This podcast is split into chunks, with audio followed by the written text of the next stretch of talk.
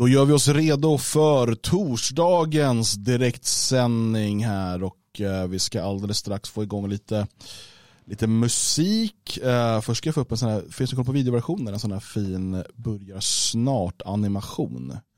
Eh, det tycker jag är high tech. Sådär. Ska vi köra lite musik Magnus? Det tycker jag du gör helt rätt i. Något bra. Något bra? Ja men vänta, ja men då tar vi den här. Då tar vi den.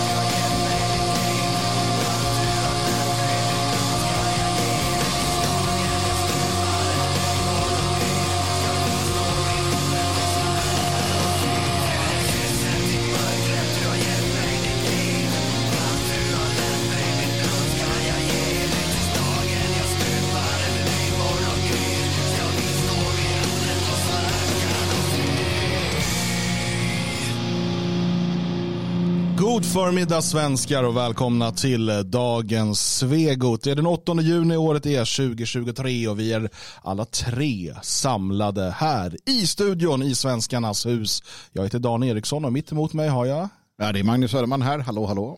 Hallå, hallå, det är Jalle Horn här. Härligt. Uh, ni ser fokuserade ut på era skärmar. Har ni satt på vuxenfilm? Ja, mycket vuxet. eh, Titta, en idag, film här. Det är, det är tre eh, blåmän i bild. Vi, vi är tre nyanser av blått idag? Mm, Ja. mm, det är vi. Det är vi. Och tre nyanser av hår också.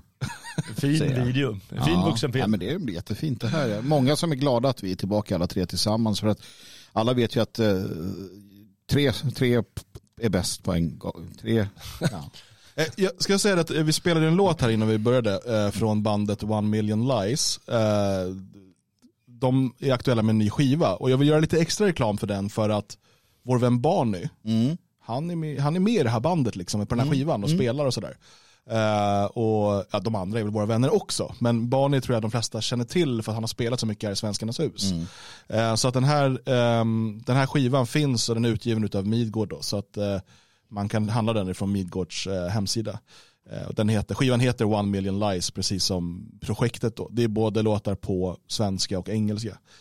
Ehm, Så finns att beställa därifrån och tycker man om när det produceras sån här nationell rockmusik så är det bra att köpa skivorna så kan det produceras mer och sådär.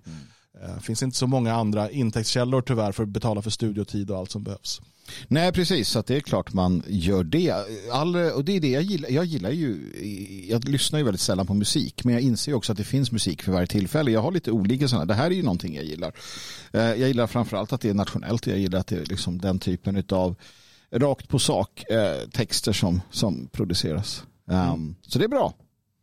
Så är det. Förresten, vet ni att Bayern är mästare i lesbisk fotboll? Bayern Bayern vann svenska kuppen i lesbisk. Nej, Jo. är det sant? Ja, jätteroligt. Ja, det är härligt ändå. Det är härligt. Bayern ändå. det. Vilket Det firande det blev efteråt. Det blev firande.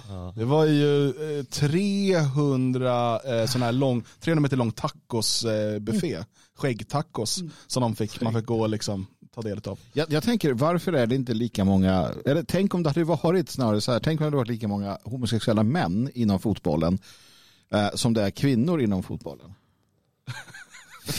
Tänk om det är det då? Ja. Men det hade inte blivit någonting gjort. Men då Det skulle säger du- sig självt. Ah, du, du, du tänker på den här gamla bilden när Paul Gascoigne står i, kraft, i straffområdet och så tar ett punggrepp på motståndaren. Precis. tänker det skulle vara så hela tiden. Men det där var ju klassiskt i, i handboll är det ju sådana tjuvnyp ju hela tiden. För då står man ju väldigt tight, speciellt om du har försvar och du spelar som linjespelare. Så det står bland försvararna.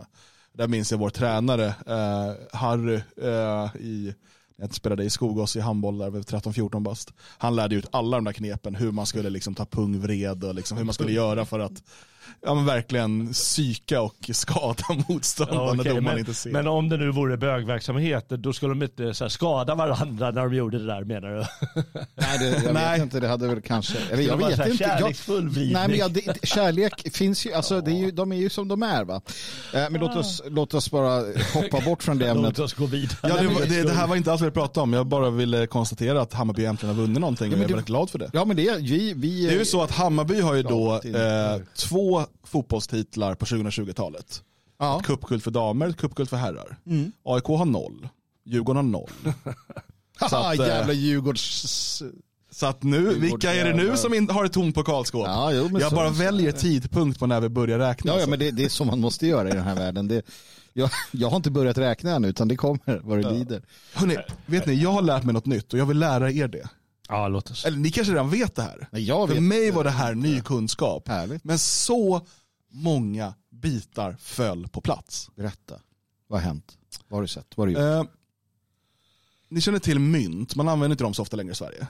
Men mynt, Ja, Du har ju, jag vet ju att du har ett nyfunnet myntintresse. det är inte det, inte det som jag ska prata om. Nej. Det är mynt som man handlar med. Ja, ja, det, Eh, inte samlar med, det kan man också. Ja, precis. Mm. Eh, om du kollar på kanten på det där myntet så är det räfflat va? fingrar.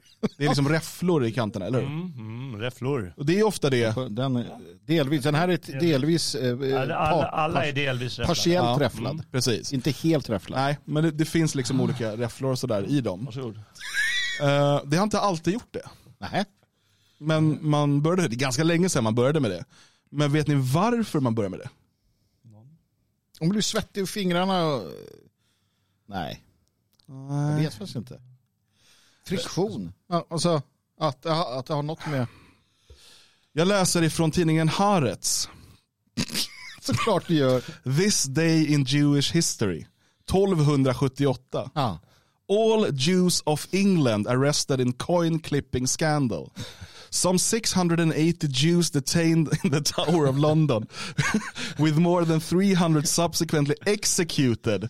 Okej, det som hände var alltså, man hade inte sånt här på mynten förut. Nej. Och judarna började då hyvla av delar av ädelmetallen och smälta ner och sälja vidare.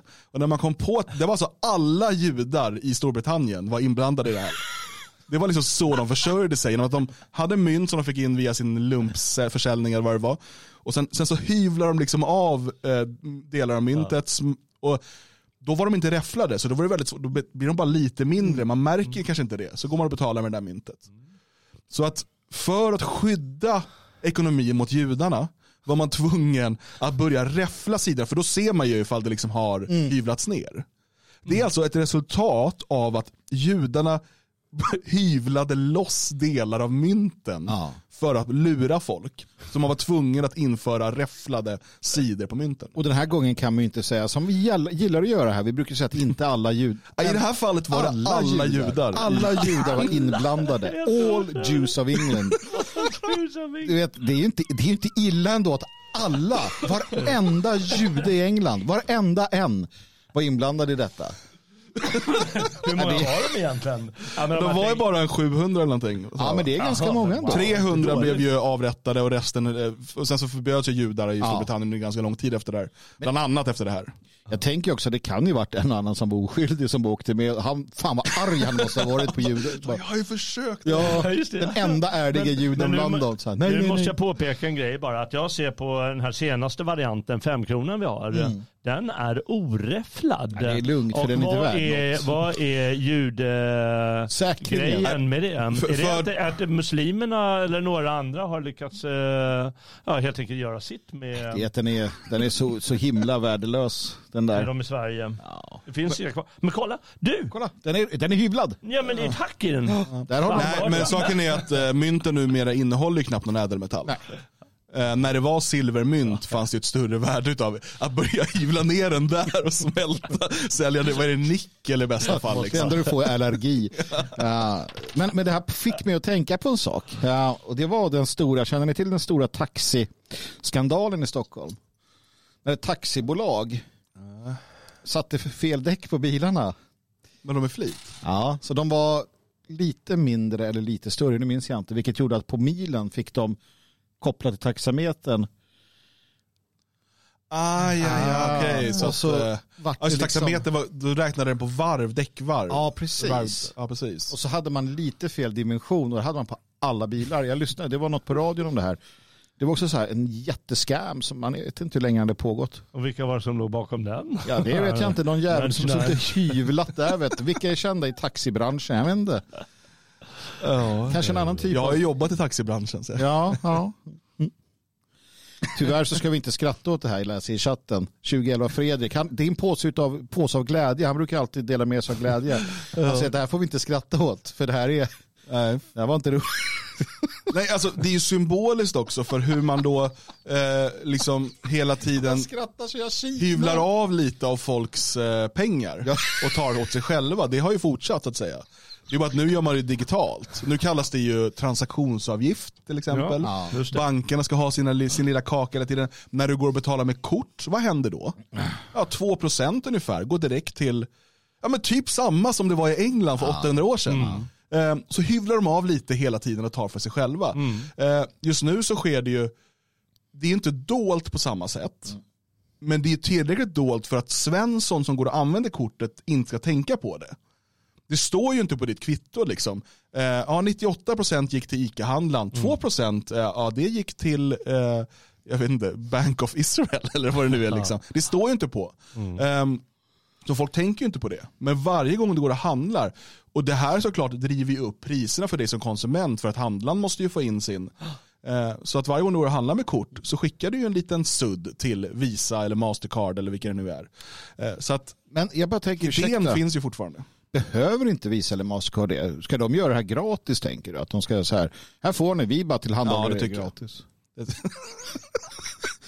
Jag menar bara att samma, inte- det är samma liksom, princip, bara det att man gör det inte olagligt den här gången. Skatt, mina vänner. Där har du ju verkligen en jude som sitter och... Fast det behöver inte vara en jude, det kan vara någon annan också. det Där, där, Inte där, alla är, judar. där är ingen avhyvling direkt i kanten. där är det, de kommer en rudan. Jo, jo, de hyvlar av en grej och det är den delen du får tillbaka. precis. du får behålla. De slår av en sån här... Vad skriver han? Babs terminal, alltså de här som har kortterminal, Ja. terminalhyrare får aviseringsavgift för avgiftsaviseringen. Ja men det är bra, det tycker jag ändå är... Alltså man måste ju Ja, ändå men alla hittar ju sätt att ta betalt. Det är som när man typ köper biljetter online nu, typ till fotbollsmatcher och sånt.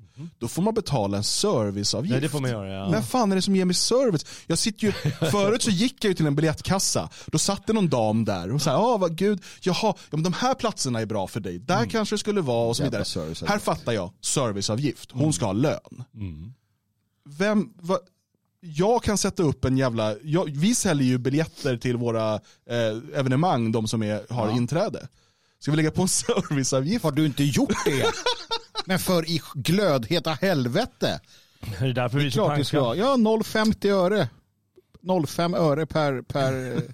Så mycket biljetter säljer vi inte. Nej, det blir... Men hörni, eh, nu, jag lärde mig något nytt och nu har ni lärt er det också. Ja, alla Eh, judar. Och då har ni alltid en bra, det spelar ingen roll om ni liksom är på, med grabbarna på krogen Mm. eller typ julafton om man sitter och pratar. Blir det, har ni svårt att hitta samtalsämnen?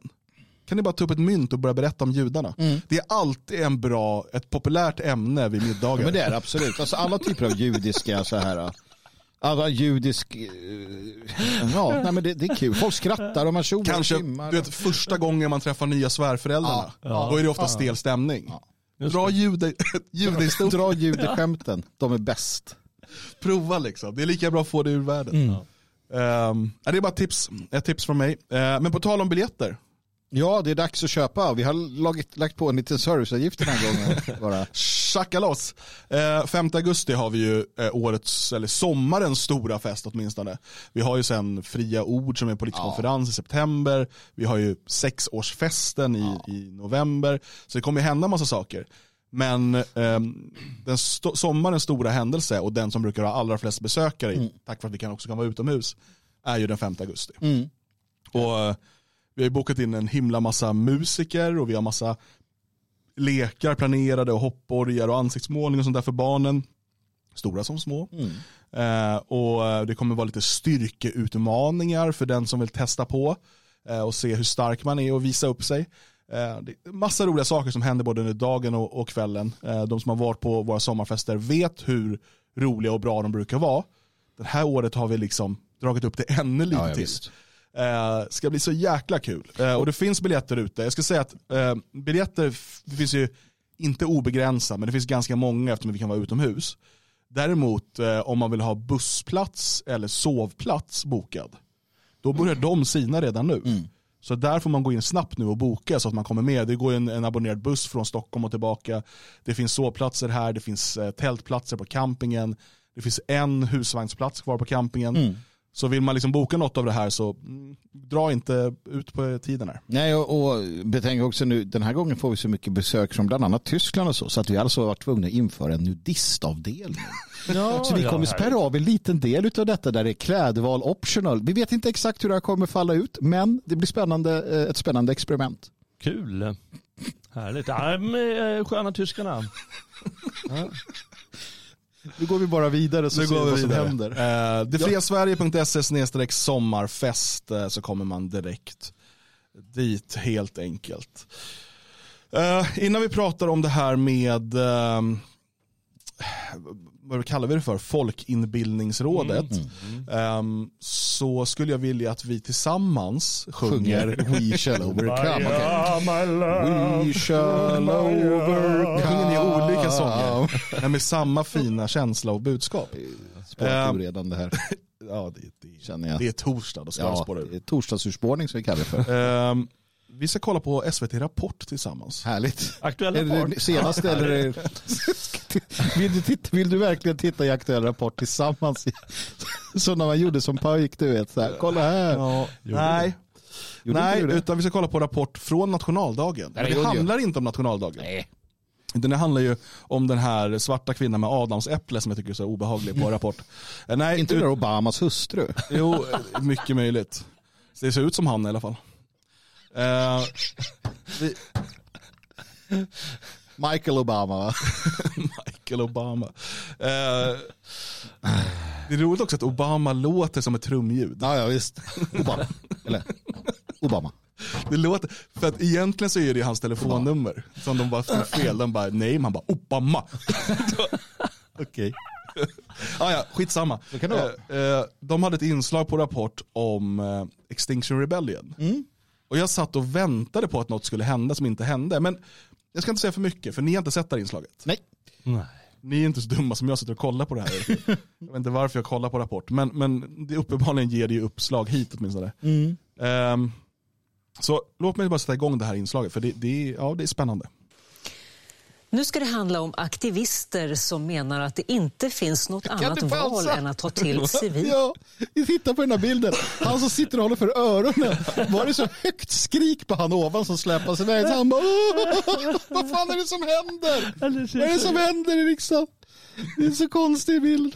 Ja, förlåt. Ja, vi går vidare. Ja, och det här är ju då inte publiken, det här är ledamöterna. Eh, precis, nej, ja, vi fortsätter inslaget. Civil olydnad för att rädda klimatet. SVT har träffat tre av dem som stört politiska debatter i riksdagen i hopp om att någon ska lyssna. Nu väntar rättegångar och domar. Jag sitter här fastlimmad med handen. Jag sitter fastlimmad. Jag sitter fastlimmad. Aj! Vi befinner oss i en klimatkris! Vi måste agera! Det var skitläskigt. Eh, men jag känner att jag inte har något alternativ. Liksom. För Roxy Förat var aktionen i riksdagen den första efter att hon sett ett klistermärke på ett elskåp och gått till ett informationsmöte. Hon den blonda här, reporten, hon Mm. är min favoritreporter för hon är som en, eh, en sån här seriefigur. Mhm. Du ska se, ni ska se sen, jag tror att vi kommer se det här också. Hon pratar med hela kroppen och så här med jättestor rörlig mun. Det var jätte... Men jag tycker det var kul med hon, eh, den här så kallade konstnären. För hon stod ju sådär och hade sin svarta dräkt. Och då tänkte jag att öppna, handen kapades när de drog av den när den var fastlimmad. Det vore något. Det vore ju fantastiskt. Jag är livrädd. Jag är verkligen, alltså... Jag är jätterädd för min dotters framtid. Alltså verkligen på en nivå Alltså, som verkligen. liksom... Jag har ofta ångest om dagarna för att jag ser hennes, liksom, hennes framtid. Och det är inte det jag önskar för henne. Alltså för mig det känns nästan overkligt att vi gör den här intervjun. Att liksom, det känns overkligt för mig att jag som bara är liksom en helt vanlig person ska behöva liksom dömas för att jag har stört i riksdagen, ska behöva ha en rättegång. När liksom... Det är, inte, det är inte jag som har orsakat de här utsläppen, det är inte jag som har orsakat den här politiken. Jag försöker bara liksom rädda vår framtid. Det är klimat vad händer med Sveriges demokrati? Låt folket... Jag vill påminna om att kammarens överläggningar inte får störas av åhörare på läktaren. Och jag får be vakterna att snarast avlägsna de personer som stör ordningen. Och det här är ju ett fredligt motstånd där vi gör eh, fredlig civil olydnad på, en, på, en, på den nivån som krävs Hon är alltså folkhögskolelärare. Jag tänkte att vi ska komma ihåg det bara. Ja, Ja, låt, oss, låt oss, låt oss. Ja. Och det är hon som då grundade Återställ våtmarker. Krävs för att vi ska sätta fokus och, och, och belysa att vi är i en klimatkatastrof. Det är ändå en folkvald församling här i riksdagen, ska inte den respekteras? Nej, vi befinner oss i ett, i ett eh, politiskt haveri. Också intressant inställning. Ja, jag tycker det är bra. Nej, ja, men, nej, det här ska inte respekteras. Det är precis som Per Holmberg, eller Holmgren, miljöpartist, som sa vi måste avskaffa demokratin för att rädda Ja, klimatet. Just det. De är helt öppna med det. ja, men jag har inget, alltså, ja, vi får prata Ja, med men, men återigen, inget- kom ihåg det här nu med folkhögskola. det kravet på demokrati och bla bla bla bla. bla. Hon menar att vi ska avskaffa demokratin. Vi ska inte respektera folkvald. Pöbelvälde Ja. vill hon ha, för hon tillhör pöbeln. Men hon är finansierad. Vi kommer komma till Vi kommer till sen. det. Inte tillåtet med opinionsyttringar på läktaren. Jag får be vakterna återställa ordningen.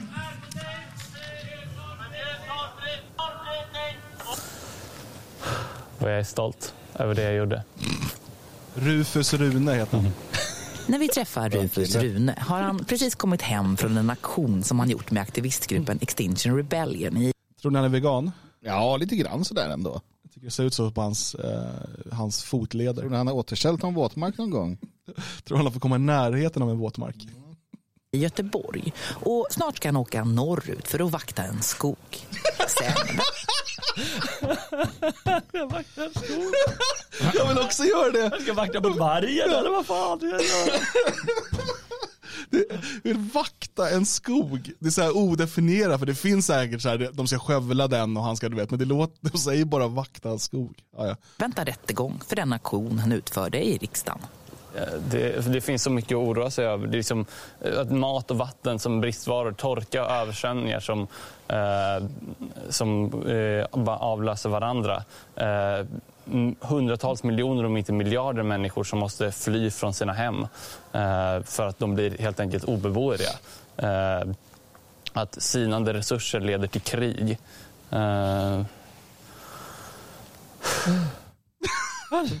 Eh, Ja, jag vet inte vad det kommer bli. Jag har ju en villkorlig dom eh, sedan tidigare som är... Mm. Så att det skulle bli fängelse, hade det varit värt det? Ja, absolut. Det har absolut varit värt det. Och Sveriges klimat och miljöminister Romina Pourmokhtari säger att aktivister som bryter mot lagen gör henne mindre benägen att lyssna. Men de här är ju uppriktigt livrädda för framtiden. Vad, vad vill du säga till dem då? Alltså jag kan förstå att man får utlopp för sin oro eller frustration genom att demonstrera. Och jag har ju själv demonstrerat jättemycket under hela min tonår. Men jag märker att det är i mötesrummen som den faktiska skillnaden görs. Så om jag vore väldigt bekymrad och aktivist i, i klimatfrågor då hade jag också valt ett yrke som bidrar till att faktiskt lösa problemen och ställa om. Exempelvis arbetat i ett brunt företag som behöver bli grönt och delta i själva omställningen. Där var det slut. Sveriges... Ja, men jag blir, Finns det något ni reagerar på i det här inslaget? Alltså, nu skrattar vi åt massa saker, men finns det någonting som ni tror att jag är ute efter här? Ja det tror jag och, och vi kan ta det först men sen jag har lite andra saker jag vill eh, prata om också. Men jag tänker att du kanske tänker på ja, det faktum att de här framställs helt okritiskt. Helt okritiskt och den enda som ställs till svars det är ministern, ministern som då får svara på frågan, men de här är ju livrädda. Som att det är ett argument för vare sig det ena eller det andra. Att de här människorna som limmar fast sig, bryter mot lagen eh, och faktiskt då attackerar demokratin, Mm. säger sig vilja avskaffa. Men de är ju livrädda, kan du inte förstå det? Mm. Inte en enda eh, liksom, röst som säger att men de här har fel Mm. för att, alltså ingen, ingen som väger upp deras påståenden om att allt håller på att gå åt helvete, vi kommer inte ha någon mat, vi kommer inte ha någon vatten eh, och alla kommer dö och det kommer bli krig. Bara, det bara skrämmer upp folk. På nationaldagen ska vi komma ihåg. Mm. Det kanske är lite festlig stämning hemma. Ja, men så du kollar på nyheterna och ser de visar från nationaldagsfirande vilka somalier har fått Mm. medborgarskap i år och sådär. Och så kommer det här, sitter man där med familjen och kollar. Mm. Jaha. Då sitter de och, och, och ingen, kan de ta in en expert då som kan säga att ja, det är klart att det är inte är bra med utsläpp, men bla bla. Nej, nej, nej. Utan istället så är det en total, ett totalt propagandainslag för kriminella antidemokratiska terrorister betalda utav stulna pengar från svenska arbetare. Mm. Det är vad det är. Märkte ni också längden på det här reportaget? Ja. men det var ju oändligt långt. Eh, Hur, var, jag menar, hur långt är Rapport? 25 minuter? Varav eh, vädret är fem minuter. Ja, herregud. Nej men jag håller med, alltså, så är det ju och, eh, och eh, det är sant på alla punkter. Däremot så måste jag säga att jag, jag respekterar ändå Rufus Rune till exempel. Han har uppenbarligen inte helt lätt med, med tillvaron men han har funnit någonting han brinner för. Han, han gör någonting. Han åker upp och vaktar en skog. Ehm, och kanske ställer sig i vägen för en skogsmaskin. Han, Ja, så deras idealism är det Nej, inget fel det är på. det jag vill, jag vill liksom att man ska, för att den är inte, finns ingen anledning att håna den. Va? Vilket man lätt gör. Men eh, faktum är att och som du säger, de är finansierade och så vidare. Men för de här människorna på, på gräsrotsnivå så är det på riktigt. Lika riktigt som, som vi känner för folkutbyte och liknande känner de för det här. Det är inte så att alla sitter i en stor konspiration och vet att de är beskyddade eller så. Utan för, Rune så är det ett, ett, en strid på, på liv och död mot ett rovkapitalistiskt system och så vidare. Och han är beredd. Han är beredd att ställa upp, visa ansiktet, bli hatad, åka till...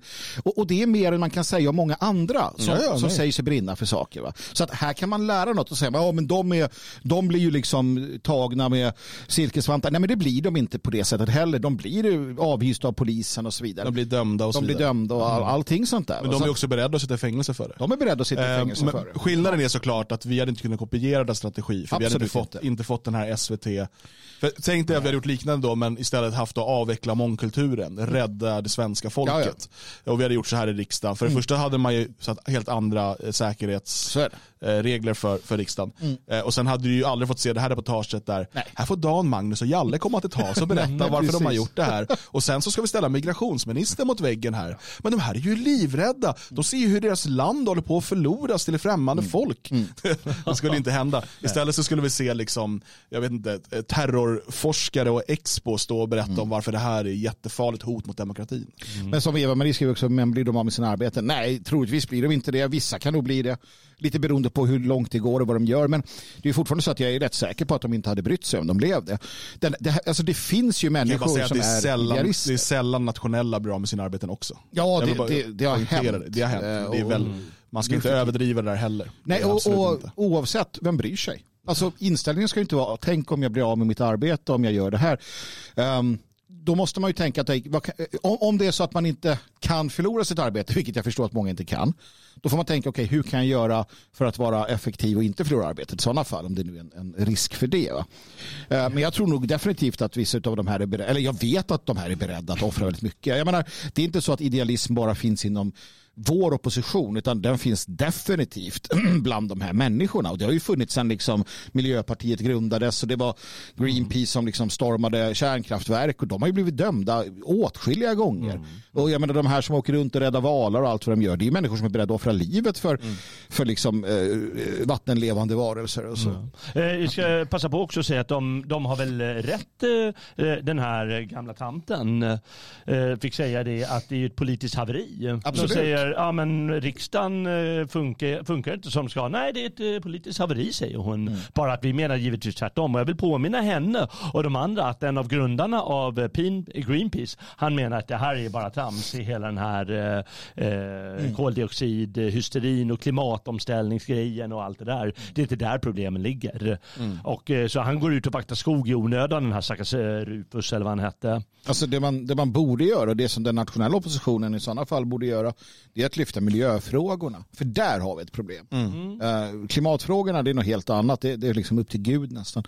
Eh, men som eh, Mats här skriver, eller frågar dig Dan, vart skulle du limma fast det för bästa effekt? Jag vill bara innan du svarar, om du nu tänker göra det, så vill jag bara säga att vi ska inte limma fast oss någonstans. Det är livsfarligt för oss att limma fast oss. Nej, då, vi blir ju av med armen i så fall. Ja, ja. Men, ja, jag är bara osäker på den, hela den aktivistmetoden. Jag fattar ju, det har ju till viss del funkat för att de har fått ut sitt budskap och det har ju varit hela deras poäng. Eh, som den här som sprang upp på Let's Dance-scenen Mm. och fick en kamera i huvudet och Mm. sådär. Eh, jag menar, det handlar ju bara om att få ut budskapet och då får man offra på tänder och sådär. Men limma fast mig för maximal effekt. Under regeringsplanet kanske. Sen bara, när han startar så bara, för då blir det som en självmordsgrej liksom. Nej, men sen är det ju Men det att- är ingen som ser det. Hallå jag är här, kolla på mig. De- De har ju fått problem också just för att de eh, ställer sig i vägen för folk och så vidare. Och, och det har ju hänt att de har fått stryk och allt möjligt. Så att, ehm, det de försöker med är ju jag tror inte att det är, ett, det är, inte, det är inte effektivt. i Det. Alltså de visst de får ut budskapet men människor blir arga vilket gör att de inte alltså, eh, att, att man inte vinner någon sympati. Och det är väl det. Alltså de, det de borde göra är att försöka få sympati från befolkningen. Men de, är väldigt världsfrånvända på det sättet. Eh, och det här kommer ju gå... Vi ska också komma ihåg att det här är i grund och botten någonting uttänkt av sådana som Mattias Våg och andra. Mattias Våg gav orden, alltså AFA-iten Mattias Våg, han, han gav orden för några år sedan i Aftonbladet i en, en, kultur, i en artikel där han sa att nu måste miljörörelsen gå ut på gatorna och så vidare. Bara veckan efter så satte allt det här igång. Um, så det finns ju den starka kopplingen och då vet vi att eftersom det här är styrt av då vänsterextremister så handlar det inte om att bevara våtmarkerna. Det handlar om att hitta en ny front för den militanta eh, liksom, vänstern att kunna agera. Och nu får de Rufus här som säkert är en liksom, trevlig själ och, och, och gå på en massa hemska saker för att använda som en nyttig idiot. Och det är så här marxisterna jobbar. Många av de människorna är ju sådana som verkligen brinner för någonting, som tror på något, som är rädda, panikrädda för något de inte behöver vara rädda för. Och det utnyttjas cyniskt utav just vänsterkrafter som Mattias Våg och liknande. Och tror jag den här som kallar sig konstnär och regissör, jag tror ju att hon eh, bara båg eh, där inne. Jag tror inte alls att hon är rädd på det där sättet. Utan det är bara ett sätt att inte. spela med i den där teatern och få folk. För, för hon Fast- såg ju inte övertygande ut. Nej, samtidigt så... Men Rufus såg ju övertygande ut. Samtidigt så eh, har ju de, de tror ju mycket på det här själva. Så att, och de, det här med klimatångest de pratar om och så vidare. Och Det hela deras, det känns som att deras största mål är att sprida den här ångesten till andra. Ja. Eh, och det säger de också, ni ska vara livrädda Mm. och sådär. Eh, och, eh, det, är det där är en av de största farorna med dem. Jag menar att de håller på att limma fast sig i riksdagen och skriker och gormar. Vem bryr sig? Mm. Liksom? Det, det, är ingen, det är ingen större skada skedd. Den stora skadan sker ju i att det här sen kommer ner till, till eh, barn och andra som, som tror på det här. Mm. Eh, och, och faktiskt liksom får existentiell ångest över det. Mm. Jo, och här, är ju, här har ju vi ett, en, en, ett jättearbete att göra. eh, som går ut på just att, att eh, alltså informera om att det inte är så illa som de säger. Och jag tänker framförallt som du säger på barnen och har ni barn i skolan och sådär. För att risken är ganska hög att de kommer hem och är livrädda för någonting sånt där de har hört. Antingen, kanske inte från lärare men från kompisar. Det har jag märkt att ofta är faktiskt lärarna lite oskyldiga utan dårskap som grabben kommer hem och berättar det är från någon kompis som har hört från någon pappa eller mamma eller någonting. Um, jag har haft tur på det sättet kanske. För att skolan har varit ganska duktig på att inte värdera eller skrämmas. Va? Men uh, det, det, det är väl värt att... För att den här ångesten som de känner, den ska vi ta på allvar. Och, och jag menar, jag tror inte att det alltid... Jag kan ju också känna att man vill bara håna dem. Va? Men jag tror att det kan vara väldigt, väldigt eh, eh, fel av oss om vi går ut på bred front och hånar tiotusentals människor som, som tror på den här dårskapen. Där någonstans kanske vi också måste vara lite mer, eh, jag vet inte, mänskliga. Jag vet inte. Mm. Mm. Vad gjorde ni efter vårt nationaldagsfirande här? Eftersom ni inte var hemma och kollade på Rapport. Jag åkte hem och bar ved vill jag minnas. Ja, jag åkte hem och ja, arbetade väl med någonting. Skulle, du skulle typ klippa gräsmattan eller något? Du hade väl, nej, det skulle vara något med trädgården sa du att du skulle hem och göra Ja, va? var väl någonting med trädgården. Jag minns inte längre. Efter Rapport så kom ju nämligen eh, nationaldagsfirandet från Skansen. Mm. Såg ni det? Nej. Nej. Var ju tur för er. Ja, verkligen. Men jag tänkte så här. Jag tänkte så här. Jag förstår ju. Jag har ju sett det här någon gång förr. Det är massa politisk korrekthet och, och fjanteri. Men nu är det ju ändå 500 år. Ja. Jag menar, Mm. Nu kan det väl vara något storslaget firande. Låt oss bara hy- hylla Gustav Vasa. Låt oss liksom Mm. sådär. Jag hade fel. Du hade det. Nej, men va? Vi pratar ju ändå Skansen här, det var ju där det började. Eh, Ja, eh, och det var värre än när jag sett det tidigare. Jag har sett det en eller två gånger tidigare. Det var värre än någonsin. Det var en barnkör från Husby. Det var Panetos som bjöd på afrodans, dans, pausa, stoppa, dansa, afrodans. Eh, alltså de här eh, gambianerna från eh, Jordbro, eh, Brandbergen är de va? Eh, vilket är en gambiansk förort till Stockholm, Mm. eh, för den som inte vet. Jag har ju en eh, personlig erfarenhet av Panetos. Eh, Jag har ju jobbat eh, nära dem en gång i tiden när jag var i musikbranschen. Innan, jag vet inte om de blev Panetos då, men Pamodo som är Ja. personen, han var nära vän med en gambian som jag producerade på den tiden. Härligt. Och ehm, kan säga att han på den tiden åtminstone var ett jävla svin gentemot eh, eh, framförallt kvinnor. Vilket han därmed också blev, fick, var aldrig mer välkommen på några av skivbolagets releasefester efter att Mm. han hade betett sig väldigt, väldigt svinigt. Men eh, hans skivor var välkomna. Nej, det var inte det skivbolaget. Han var bara kompis med den här artisten vi hade.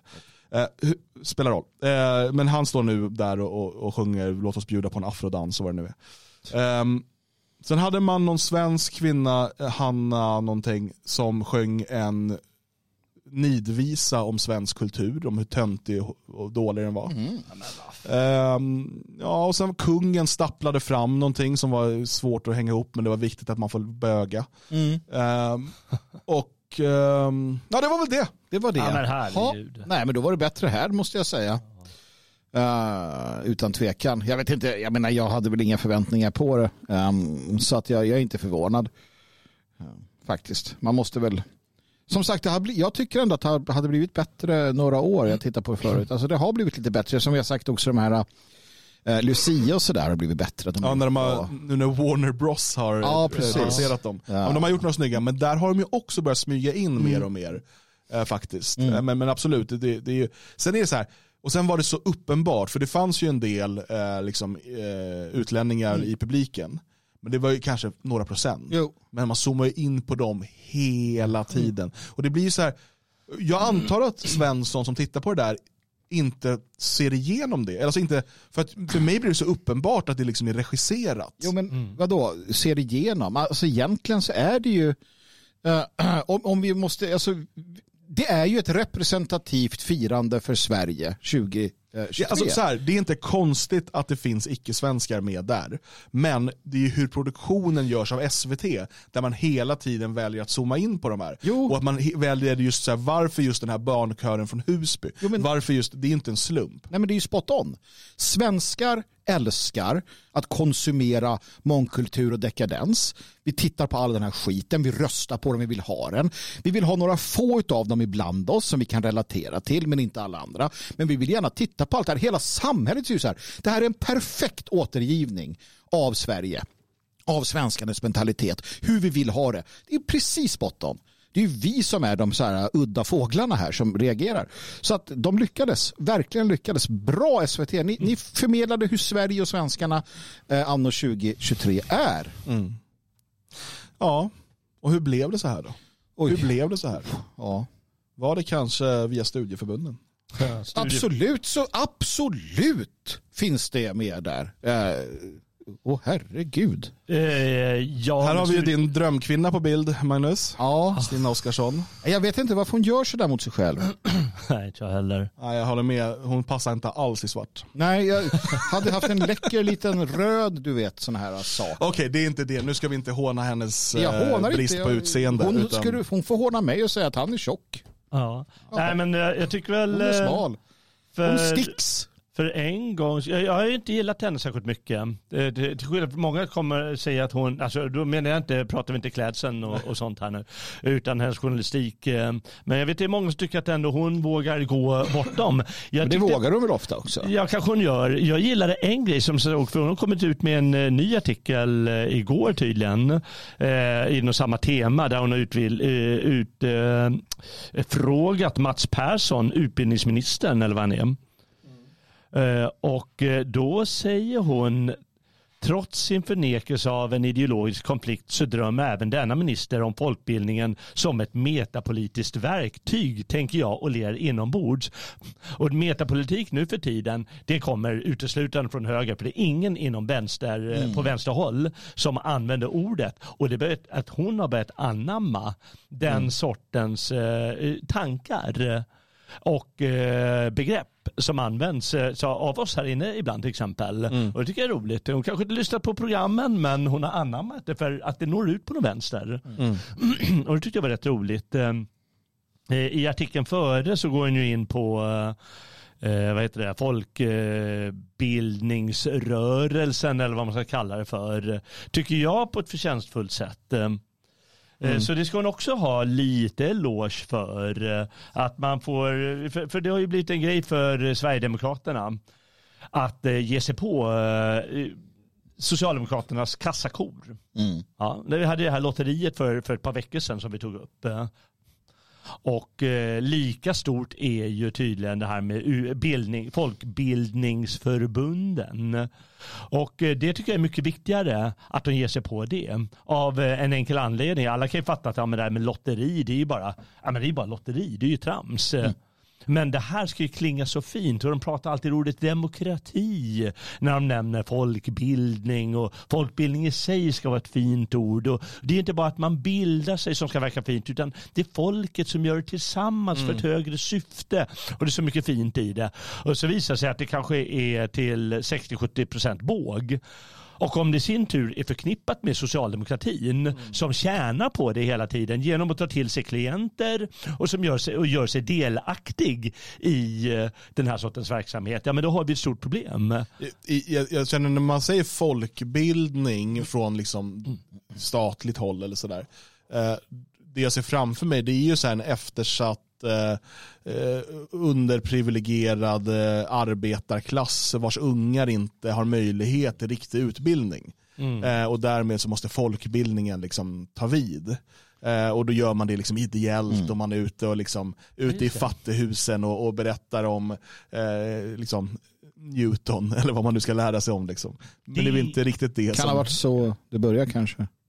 Jag, jag skulle bara vilja säga en sak som jag känner och tänker när jag bara direkt hör det här. Eh, och jag blir ju som vanligt självkritisk. På oss, inte oss tre kanske, men den här Självkritisk, så blandar du in oss. Då är du kritisk mot oss. Oss-kritisk. Jag är gemensamhetskritisk. Och det är att vi gör så mycket bra i vår opposition. Men ibland tänker jag, varför inte alla, till exempel sådana här äh, yngre förmågor som är aktiva på olika sätt och vis, varför inte alla startar eh, studiecirklar och äskar pengar? Det, det, för det här är en enda stor grift från, eh, från statens kassa. Vi skulle kunna ha alla, alla nationalister, alla unga, framförallt unga tänker jag, som kan, men också äldre, skulle kunna starta en egen studiecirkel. Där man så här, vi studerar homoerotik. Ja, och så får du pengar för det. Någon annan säger, men vi studerar afrikansk dans. Och så får du pengar för det. Alltså inte så här, "Åh, vi ska lära oss om kungen, utan vi säger ljug. ljug som ett svin och få pengar av staten. Eller den här. Men det gör vi inte. gör vi vi inte. gör inte det. Nej. Och det här retar mig, för vi gör en massa andra saker istället som kostar en jävla massa pengar. Men vi, vi pungslår aldrig staten på rätt sätt, så, så gör det. Så, Ja. Tack så mycket. Varsågod. Men, eh, men eh, du är emot pressstöd, om man ska ta emot pressstöd. Ja. Men det här ska man göra då? Ja. Ja, ja, absolut. För att det handlar inte om att en, en, till exempel vi får pengar för att göra det här varje dag och därmed känna att vårt, vårt uppehälle är beroende av statliga bidrag och därför börjar vi anpassa oss för att få pengarna. Ehm, utan det här är att människor som, som har sina grupper, sina liksom mannaförbund eller vad som helst ser till att få pengar tillbaka från det de har betalat skatt i alla dessa år. Så att, ja, jag ser en skillnad. Ja, Det, det finns ju en grej till. De tar faktiskt upp föreningar här i också. Eh, för det går ju väldigt mycket pengar till föreningar också. Då så, eh, vi kollar lite hur att, eh, ja men det är bara, vad de sa, 2-3 3 procent. Mm. som granskas. Eller, Det är bara 3 procent de vet styrelsen Just det, på. som man vet någonting alls om vad de håller på med eller någonting sånt. Det är som gjort för annan verksamhet och bara casha in. Mm. Och det gör ju inte vi heller eh, i det fria Sverige utan vi, vi har ju en öppen redovisning och eh, eh, låt dem granska oss. Vi har, eh, vi har, vi har öppna, vi kör med öppna kort här. Mm. Eh, så ligger väl ändå någonting i att inte falla eh, liksom som pressstödet och bli en del av socialdemokratiska klientelet. Eh, eller statsklientelet kanske vi ska kalla det också. Även om det vore ju bra om folk fick pengar för de här studiestöd, eh, studiestödspengar som du sa. Mm. Jag vet inte. Eh, men hon säger i alla fall, eh, hon är ju nästa person som vi inte gillar så mycket, Magnus Ranstorp som hon intervjuar. Och varför kom han in på det här? Jo men han skulle ju han skulle studera hur, eh, hur det kom till, kanske, vad kallar han det för? Ehm, samarbetspartner till vissa föreningar och sådana studieförbund. Mm eh, som inte redovisades. Så det kan ju vara till terrorister nämligen, Mm. den här samarbetsverksamheten.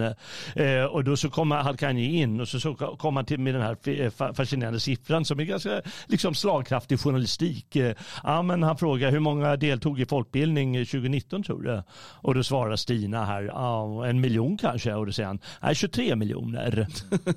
och då kan ju alla börja räkna, ja men hur många ägnar sig åt eh, sån här verksamhet i Sverige? Sa du 23? Ja, står det här. Men det bor ju bara 10 miljoner du? Jo, men du kan ju vara anmäld på flera kurser. Ah, okay. Ja. Eller hur? Men hur många ägnar sig åt sån här verksamhet? Är 5% av befolkningen eller? Vadå, så muslimska bokcirklar? Ja, till exempel. Nej, men all folkbildning. All folkbildning. All folkbildning. Ja, det är ju typ vänstern och eh, muslimer. Som gör Ja, det. Ja, det är väl någon som 5%. kanske kan, jag vet inte om det finns någon, så här, någon språkkurs eller salsakurs eller någonting som man går på. Ja, det som, kan vara sånt också. Precis. Ja, men det, någon, någon, några procent. Ja, Liksom. men säg att det är 10 procent. Ja, säg 10 Ja, då. då är det alltså vi, vi räknar bort barnen, va? för de är inte med. 800 000 personer säger vi. Ja, det är inte 23 miljoner. Då måste det vara det, det, 23 miljoner mellan äh, delat på 800 000. Det är jäkligt många kurser som Ja, ja. varje person måste gå för att det ska Mm. stämma. Och då inser man att det är fu- fuffens och båg och då har han räknat ut och kollat här. Men det är 60-70 procent är ren eh, mygel. och det gör man ju då för då får man ju mer pengar. Då får man ju mer pengar. Och ju fler kurser du an, eh, har, desto ännu mer pengar får du. Så du bygger hela tiden på att fuska så mycket som möjligt kanske. Och då är det väl hans grej också att ja, men då håller man också på med obehaglig verksamhet. Eh, Inte bara, och det var ju den här Ibn Rushd-affären. Mm. Eh, Dels så fuskar de med kurser, de bara hittar på kurser antagligen. Och dels så, eh, eh, så, så håller de på med eh, lite smygterrorism kanske. Mm. Vilket inte är så snyggt eh, att, eh, att liksom, socialdemokratin via ABF som är det största studieförbundet håller på med i andra hand eh, vad heter någon sorts terroristisk verksamhet. Ja, men det, det är ju då Arbetarnas bildningsförbund, alltså sossekopplingen och muslimerna som gör det här. Och de gör det... Alltså koppling är ett understatement. Ja, jo. Det är ja. en del av ja, sosseriet. Socialdemokratins då, partiapparaten då. Plus muslimer gör det här. Det är de som gör det här i allt väsentligt. Och så några killar som spelar typ så här spelkort och Dungeons and Dragons kanske. Eller det är något annat, jag kommer inte ihåg.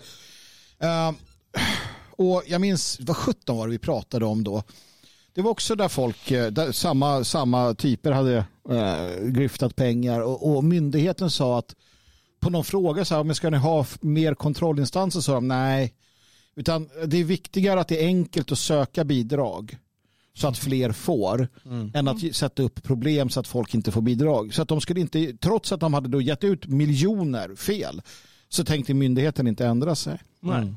Och, Nej, och, det- Nej, och de skriver ju här om det, det kallas ju självförvaltningsmodellen. Ja. Och det här kommer ju från ett annat Sverige, en annan Ja. tid. Ja. Exakt. Eh, där man liksom, nej men, vi måste ju kunna lita på varandra. Om Mm. de säger att de är tio personer här som, som lägger fem timmar nu på att läsa den här boken eller Ja. vad det är. Ja, men då, då, då ska, de, ska de kunna få stöd för det. Mm. Eh, för de tar ju också upp här, eh, Ranstorp tar ju upp här, Ehm, förutom då att uh, uppenbarligen varje person kan räknas flera gånger så säger han så här, ja, och det här är alltså de siffror som rapporteras in av studieförbunden. Och då får man mer betalt ju mer verksamhet de har. Timantalen var ibland helt oresonliga. Man tillät 100, eller 1250 timmar för en person. Och det fanns ingen transparens. Men det stora fusket sker framförallt i de kostnadsersättningar som utbetalas för att du tillhandahåller kaffe eller hyr lokal eller så. Då skickar man en faktura till studieförbundet. Man kan skriva min lokal har kostat 150 000 kronor men det är ingen som kollar och det finns inget pristak. Och det är ju vad man får bekräftat när man idag läser Riksrevisionens rapport. Ja. Och eh, sen så säger de längre fram att ja, någon som har fått eh, efter revisionen har, har börjat att granska. Ja, Men vad då? Varför ska ni granska mig? Jag har ju alltid eh, hållit på så här och, och fakturera 500 000 kronor hit eller dit bara för lite lokaler eller lite kaffe. Kan ni fatta liksom vilken soppa? ja, men fatta vilka pengar. Alltså, det här finansierar, och det är, det är ju verkligen vänstern, sina bokkaféer, alltså extremvänstern etc. som har gjort det här och satt det i system. Eh, förutom typ fågelskådare och scouter kanske så är det just de som har gjort det här i årtionden. Alltså det är enorma summor. Som, inte nog med att vi liksom ger öppet bidrag till varenda sinnessjuk organisation eh, som, som man kan tänka sig. Den här stölden pågår. Det är en välfärdsstöld. De här människorna borde ju, det borde ju finnas alltså, dödsstraff. Jo, men om du tänker så här. Du, du, om en människa som, som parasiterar på välfärden, på det gemensamma. Det måste bli något av det grövsta brott mot ett folk. Och, och, och de här kommer ju undan. Det har ju aldrig hänt att någon har, har dömts för någonting kan jag tänka mig. Aldrig Nej, någonsin. Antagligen inte. Nej, jag tror inga fängelsestraff där. Jag vet, de, de fick ju betala till pengar tillbaka de här Ibn Rushd och, Mm. och vilka det nu var. Eh, men eh, jag vet inte riktigt. Eh, menar, det skulle ju kunna funka. Vi sa att det var ett gammalt Sverige. Då funkar Mm. det där. Och jag har ju insyn i eh, det som kallas Folkhochschule i Tyskland. Mm. Och Folkhochschule där är inte folkhögskola som här. Utan det är studieförbund. Mm. Folkhochschule. Fast det drivs av kommunerna. Eh, och eh, där inbillar mig i alla fall, fungerar det. Finns jättemycket konstiga kurser och så. Eh, men jag ska säga att jag har inte sett särskilt många färgade människor där. Eh, jag har inte sett eh, någon antydan om, jag, vet ju att det finns ju krav på antalet medlemmar och det finns ju de som, som styr det. De är inte knutna politiskt till liksom social, eller under Socialdemokraternas paraply eller något sånt. Eh, De är väl ämtliga tillsatta, det vill säga på, av myndigheter på något sätt. Men det råder någon sorts transparens och fungerar där. Och det är uppenbarligen inte bluffverksamhet. Det förekommer säkert lite grann sådär att man låtsas ha lite deltagare men eh, bara för att de ska kunna ha sin kurs. Nej, men, men det är ju här som eh, socialdemokratin, deras snillrika bygge utav den svenska versionen av djupa staten Mm. är ju att den inte är staten nödvändigtvis. Utan att den är den här typen, det de kallar för civilsamhälle då. Det. Men som då finansieras av staten och så har man någon sån här lite, jag såg att Folkbildningsrådet, det är 35 anställda. Ja, det är det. Som sitter där liksom. Ja. Eh, och, och, och liksom har hand om oerhörda summor pengar och betalar ut till alla möjliga Mm. håll, Ja. håll och kanter med det här tillitssystemet. Då. Och jag tror inte riktigt han fattar när han säger, Ranstorp, eh, han säger att det stora problemet är inte de där studieförbunden ens, utan det är det här folkbildningsrådet. Eh, och eh, jag tror inte riktigt, för, för det är där det är strukturellt säger han, det är att de, de litar hej blint och tycker att de ska bara ha pengar och det ska bara fungera. Och hon, hon säger hon använder återigen det fina ordet civilsamhället, för det anses ju så fint. Eh, och det, det finns en, problemet idag är att det, det ska inte, vi ska ju kunna lita på, säger hon. Och så säger hon att eh, ja, men det finns ju den här misstänksamheten mot civilsamhället nu. Och det, ingår, det finns en agenda, hon menar givetvis från Sverigedemokratiskt eh, håll, att, eh, eh, att man ska intressera sig, och det gjorde Magnus Ranstorp, för just det muslimska studieförbundet Ibn Rushd. Och så fortsätter hon, eh, då frågar eh, den här eh, Stina, idag me- mana, menar dock Magnus Ranstorp att han snarast betraktar Ibn Rushd som det minsta problemet, utan dig alltså som det största problemet. Visst, men hans följare och andra krafter med andra agendor fortsätter använda sig av det han har sagt för att kasta misstanke på det muslimska civilsamhället. Och det är ju uppenbart vart hon vill komma här och det är uppenbart vilka det är som får pengar nu för tiden eh, till stor del. Eller vilka utnyttjar, antagligen då för att knyta då dem till det socialdemokratiska partiet. Och det här vet väl antagligen eh, Sverigedemokraterna när de har kastat in den här delen i Tidöavtalet att vi måste göra något åt det här. Mm. Jo, men det, det, är ju, det är ju samma, och, och jag förstår var, var det problemet ligger. Vi alltså, svenskar är fortfarande tyvärr um, övertygade om att de tillhör ett majoritetssamhälle, att vi, vi är staten. Vi har staten och polisen och det är våra killar. Sen finns det de här människorna som kommer hit och de tänker att vi har varandra och sen ska vi se till att den här staten göder oss så att vi kan göra det vi vill. Svensken måste förstå att stat, vi måste skilja oss från staten, vi måste mentalt skilja oss vi måste lämna in en skilsmässohandling och säga att jag skiljer mig från staten. Och sen måste vi söka oss till varandra och förstå att vi behöver ersätta den här staten. Eh, vi måste separera från myndigheterna. Vi måste ta, ta avsked från eh, Sverige AB. Och när vi väl har gjort det, då inser vi att okej, nu är det nya spelregler. Så länge vi inte gör det så kommer vi fortsätta att göda staten. Um, och, och, och konsekvenserna kommer tyvärr inte bli särskilt bra för oss. Så vi, måste, vi måste skruva upp separatismen. Vi måste skruva upp idén om separatism och idén om att centralmakten de facto är um, en fiende till svenskarna. Nej, det är det verkligen. Och eh, men det, det, det blir lite löjligt. eh, Men, men det måste inte vara statsfinansierat. Vi har ju Timbro till exempel. Jag vet inte hur mycket studiecirklar och sån skit de har. eh, Men eh, de, de är inte statsfinansierade. Det går. Det. Man kan ha stiftelser och det är väl stiftelse antar jag som de har i grund och botten. Man Ja, kan ha massor med sådana grejer. Och, på något vänster inte baserade på statsbidrag. Och man ska komma ihåg att det står lite faktaruta här. Och då står det faktiskt Olof Palme beskrev en gång Sverige som en studiecirkeldemokrati. Och om, om, om det är det som är grunden för de här studieförbunden då finns det verkligen en misstanke att, eh, att det kanske inte är det bästa att ha. Men Dan sa någonting klokt eh, när vi satt på redaktionen och pratade tidigare. Fantastiskt. Eh, och han sa så här att men kan vi inte bara se till så att folk får behålla sina pengar och så kan man själv betala om man nu vill lära sig dans eller språk. Att de, om, man får betala, om man får behålla, alltså om de inte tar någon skatt av dig eller de tar lite skatt till eh, kanske till brandförsvar, kanske till militären eller något sådär, lite grann bara. Ehm, och sen får behålla allting och så känner jag att jag vill lära mig dreja. Då kan jag betala en drejmästare i Dreje att, att lära mig dreja. Den där värmländska ja. bruksorten. Ja, precis. Ja. Ehm, och, och så. Alltså, det vore ju bättre att... kom han hit, flugan. Just det. Ja, där fick Nej, du men att, att, tänk om vi bara kunde få behålla våra pengar och att det gick lite grann till de mest nödvändiga sakerna. Jag började för Ja, men, många för då år skulle, sedan. men då skulle ingen betala för de här studiecirklarna. Alltså ingen skulle betala för att läsa Pol Pot. Nej, och då var det slut på Pol Pot. Ja, just det. Ja. Nej, men det finns eh, alltså ännu en dimension som jag tänkte på igår när jag läste det här. Eller kanske innan det av. Och det är att staten, det är inte så många som tänker på det, men genom sina bidrag till medier, till eh, studieförbunden, då är de ju i stort man kan kalla dem delägare i tidningarna.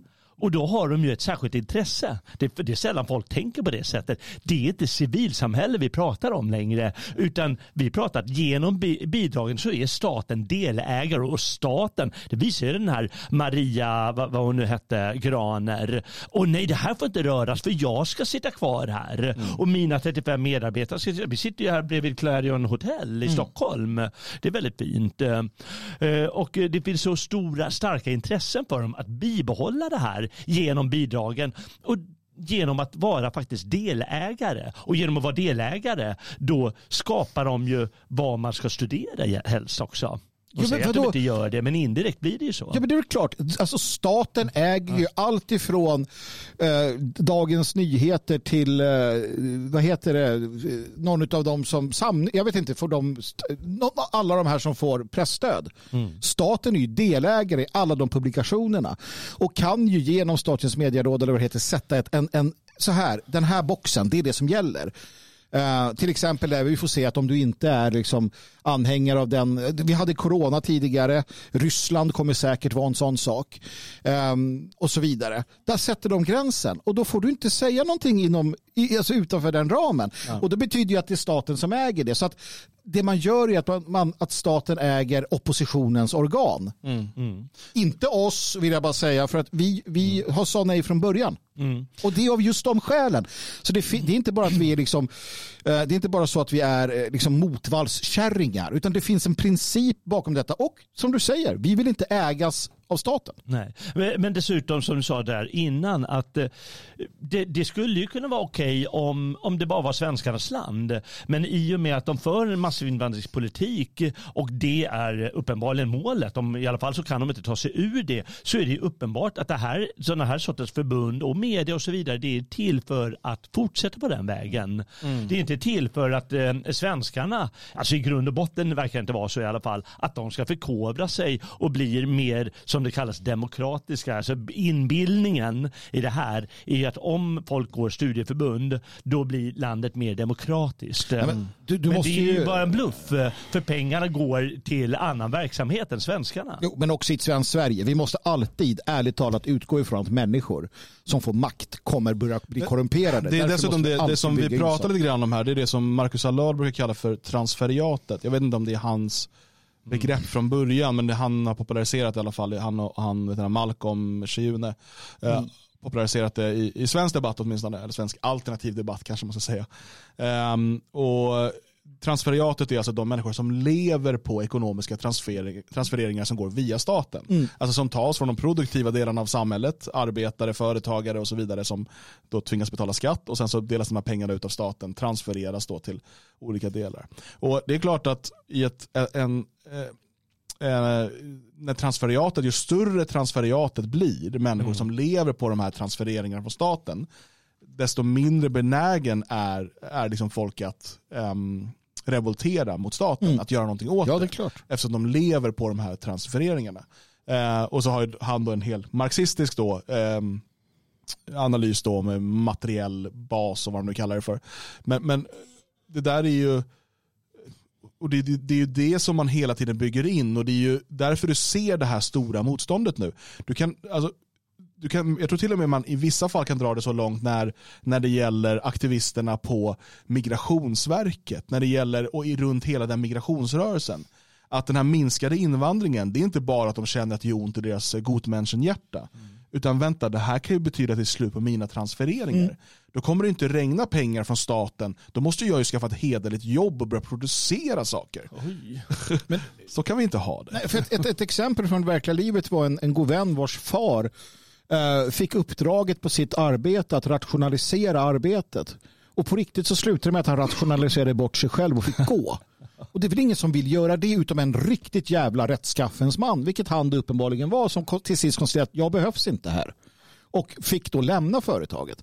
Ehm, men här hamnar vi i den här Ayn Rand, eh, Atlas shrugged-världen. Liksom.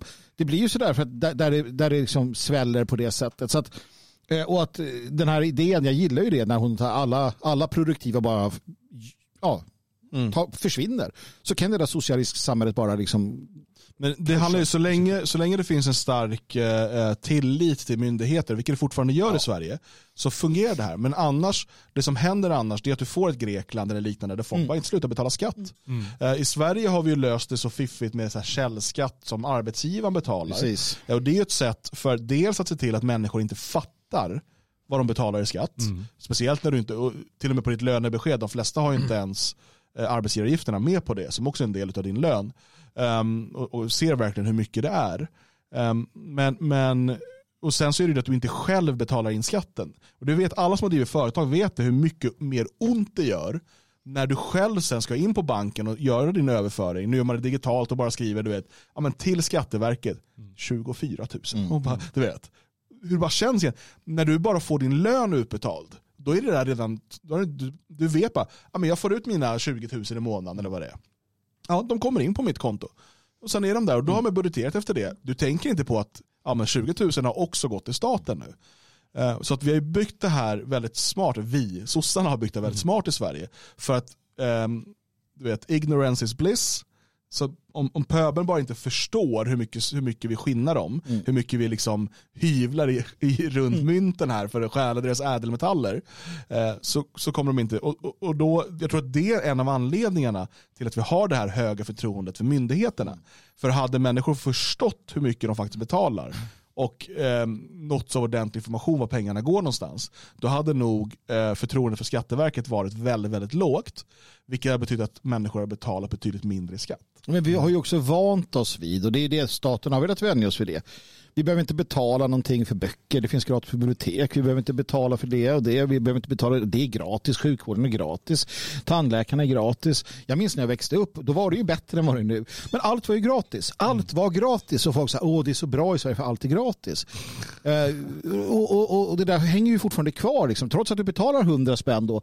Ja men tänk vad det här hade kostat om jag hade varit tvungen att betala vad det kostar att gå till läkaren och så vidare. Och så vidare. Och det är klart att Jag, jag kan ju bara berätta då, eh, jag betalar mer i Sverige i, eh, för min sjukförsäkring Mm. än jag betalade för min privata sjukförsäkring i Tyskland. Mm. Om man kollar lite vad, vad man betalar varje månad i Sverige, Mm. Eh, på en normal arbetarlön så ser du att det är ganska mycket du betalar för din sjukförsäkring. Det är inte så att vi i Sverige saknar sjukförsäkring. Det är bara att den är, den är tvingande och det finns bara en att välja på. Sen kan du köpa försäkringar utöver det, men du är tvingad att betala den här allmänna sjukförsäkringen för en ganska usel sjukvård faktiskt. Eh, Så här, den kan vara bra när du väl får vård. Men du får sitta i oändliga vårdköer, det är dålig tillgänglighet, det är usel service, det är underbetalda och överarbetade undersköterskor och sjuksköterskor. Det är läkare som får lägga halva sin tid på jävla pappersjobb.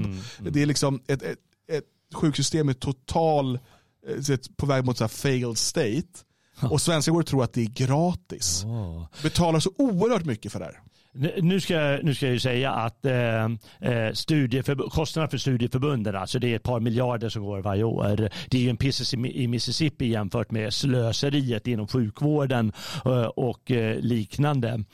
Eh, det ska ju sägas, men det här med folkbildning anses så fint och man förknippar det med demokrati och man förknippar det med liksom det svenska, folk, eh, svenska eh, landets förkovran och så vidare. Och genom sin retorik så betyder det ger mycket mer än det gör. Och jag, jag tycker de är smarta Sverigedemokraterna som vill angripa, eh, angripa den punkten. Jag, jag tror att det är mer, ligger mer bakom det än att eh, stjäla sossarnas finansiering. Det, Ja, ja. det gör det. Nej, men allt som slår mot den, den socialdemokratiska djupa staten, allt som slår mot centralmakten, allt som slår mot allt det är bra. Vi behöver definitivt decentralisering och sen behöver vi en massa andra saker. Så att, nej, jag, jag håller med. Jag tycker att det, det är bra av SD att gå framåt på de här fronterna. För där kan de också då få med sig eh, där kan de få med sig borgerligheten på ett annat sätt. Det här är ju borgerlighetens våta dröm. Det är bara att de har blivit så jävla töntiga som inte har vågat utmana socialdemokratin. Och det är väl skönt. Alltså SD vågar utmana socialdemokratin. Problemet är att SD gör det för att de vill bli socialdemokratin. Mm, det är ett problem. Men eh, låt oss ta den, spränga den bron, eh, den vattenkraftverksdammen när vi kommer dit, som Putin sa. Ja, jag kom in här nu, eh, massa pushnotiser om en knivattack i Frankrike. Det är inte så mycket att säga om det. Eh, Men det är uppenbarligen då någon som har huggit en himla massa barn på en lekplats. Mm. Två av dem med livshotande skador. Eh, Men det finns ingen mer information än så länge. Så att, ehm, Fruktansvärt. Jag men säger det är bara ett bevis på att vi sänder live. Ja, och eh, det är också ett eh, bevis för att folk behöver eh, hitta platser där de kan vara med varandra istället för att vara utlämnade åt denna onda värld, framförallt i dessa stora städer som, som faktiskt eh, antingen är liksom tummelplatser för demoner eller psykisk sjukdom till den grad att eh, vi hade det som hände i, Göteborg för inte så länge sedan när vi tänker knivskärningar mot Ja. barn. Från ingenstans, det vill säga, alltså jag kommer aldrig någonsin eh, alltså storstäderna det är mm.